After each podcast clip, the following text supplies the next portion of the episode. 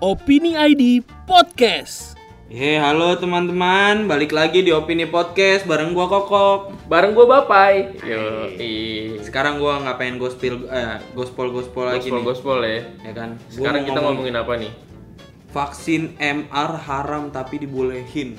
Oh, yang kemarin sempat ribut-ribut itu ya, Yoi. yang ada juga hoax yang vaksin santri segala macem gitu ya. Iya. Sekarang udah dibolehin tuh. dari pseudonym yang bilang ini apa namanya?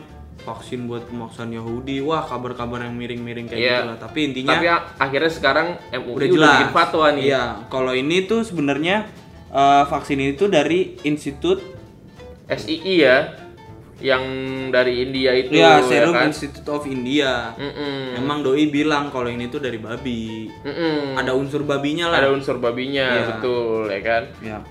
Nah, ini tapi fatwa Majelis MUI ini nomor 33 tahun 2018. Ini Oh, udah dikeluarin nih, udah resmi udah, ya? Udah, udah. Ta- Sumbernya Senin dari kemarin. ini uh, apa website MUI ya. Iya, Senin kemarin 20 Agustus. Mm-mm. Pokoknya intinya eh, sebenarnya ini nggak nggak apa namanya nggak haram karena ada keterpaksaan jadi masih tetap boleh karena berubah. Tapi kalau ditemuin eh, vaksin, Vaksin yang halal. lebih halal, eh maksudnya yang halal, itu akan jadi itu haram. akan jadi haram. It- tidak tidak di tidak mengubah lagi Iya. Jadi PR-nya adalah pemerintah harus bikin vaksin, vaksin yang halal. yang halal.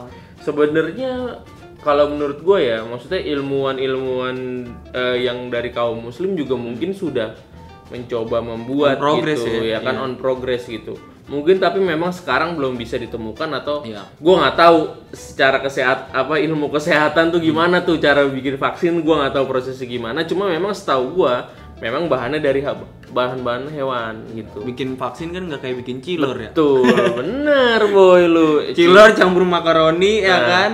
Lu lapar Aci. banget boy kan. Udah ngomongin Campur cilor. telur kan nggak kayak gitu. ya. Iya gitu ya kan. Untung tapi ya. Sekarang tuh informasi tuh gampang gitu. Mm-mm. Kalau dulu kan kita nggak tahu tuh vaksin haram apa enggak. Nah, lu pasti nangis tuh. Iya, gue dulu dulu nangis di posyandu. Abis ditimbang nangis. ya kan, kalau udah gede mau udah dikasih Milo, enak. ya elah. Milo. Iya. Nah, intinya kalau menurut gua dari fatwa MUI yang sekarang ini adalah umat muslim bisa agak tenang. Iya. Jadi karena ada hukum mubah itu, Iya. kita yang sebagai umat muslim jadi tidak usah khawatir bahwa ini halal atau haram gitu Iya. karena memang sudah ketahuan haram, Iya. tapi dikeluarkan fatwa mubah untuk dari MUI karena keadaan darurat syar'i Iya, itu. setidaknya upaya ini nih yang dilakuin sama MUI, MUI itu udah buat umat muslim jadi jelas nih. Benar. Ya soal lu tetap mau uh, vaksin atau enggak, ya itu dari masing-masing Dari itu. masing-masing Cuma sendiri. kalau misalnya MUI itu sebenarnya ada hmm. rekomendasi karena ada kondisi keterpaksaan di Iya, sini benar. makanya itu mungkin kan pasti berat banget keputusan yang buat Iya. bikin vaksin haram jadi mubah gitu bukan Pastilah. bukan yang apa asal dijadiin mubah aja kan Iya. gitu pasti karena udah riset juga MUI-nya segala macam makanya diperbolehkan gitu selama belum ada yang halal ya pokoknya intinya ini jadi PR pemerintah buat nemuin Tuh. vaksin halal.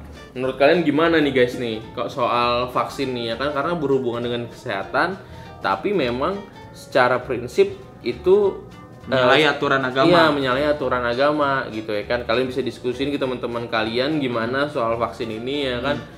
Karena memang penting gitu ya kan. Iya. MUI pun mengakui di sini ada keterpaksaan karena memang vaksin itu penting. Ya, gitu aja uh, kabar dari kita. Gua Kokok. Gue bapai. Ciao.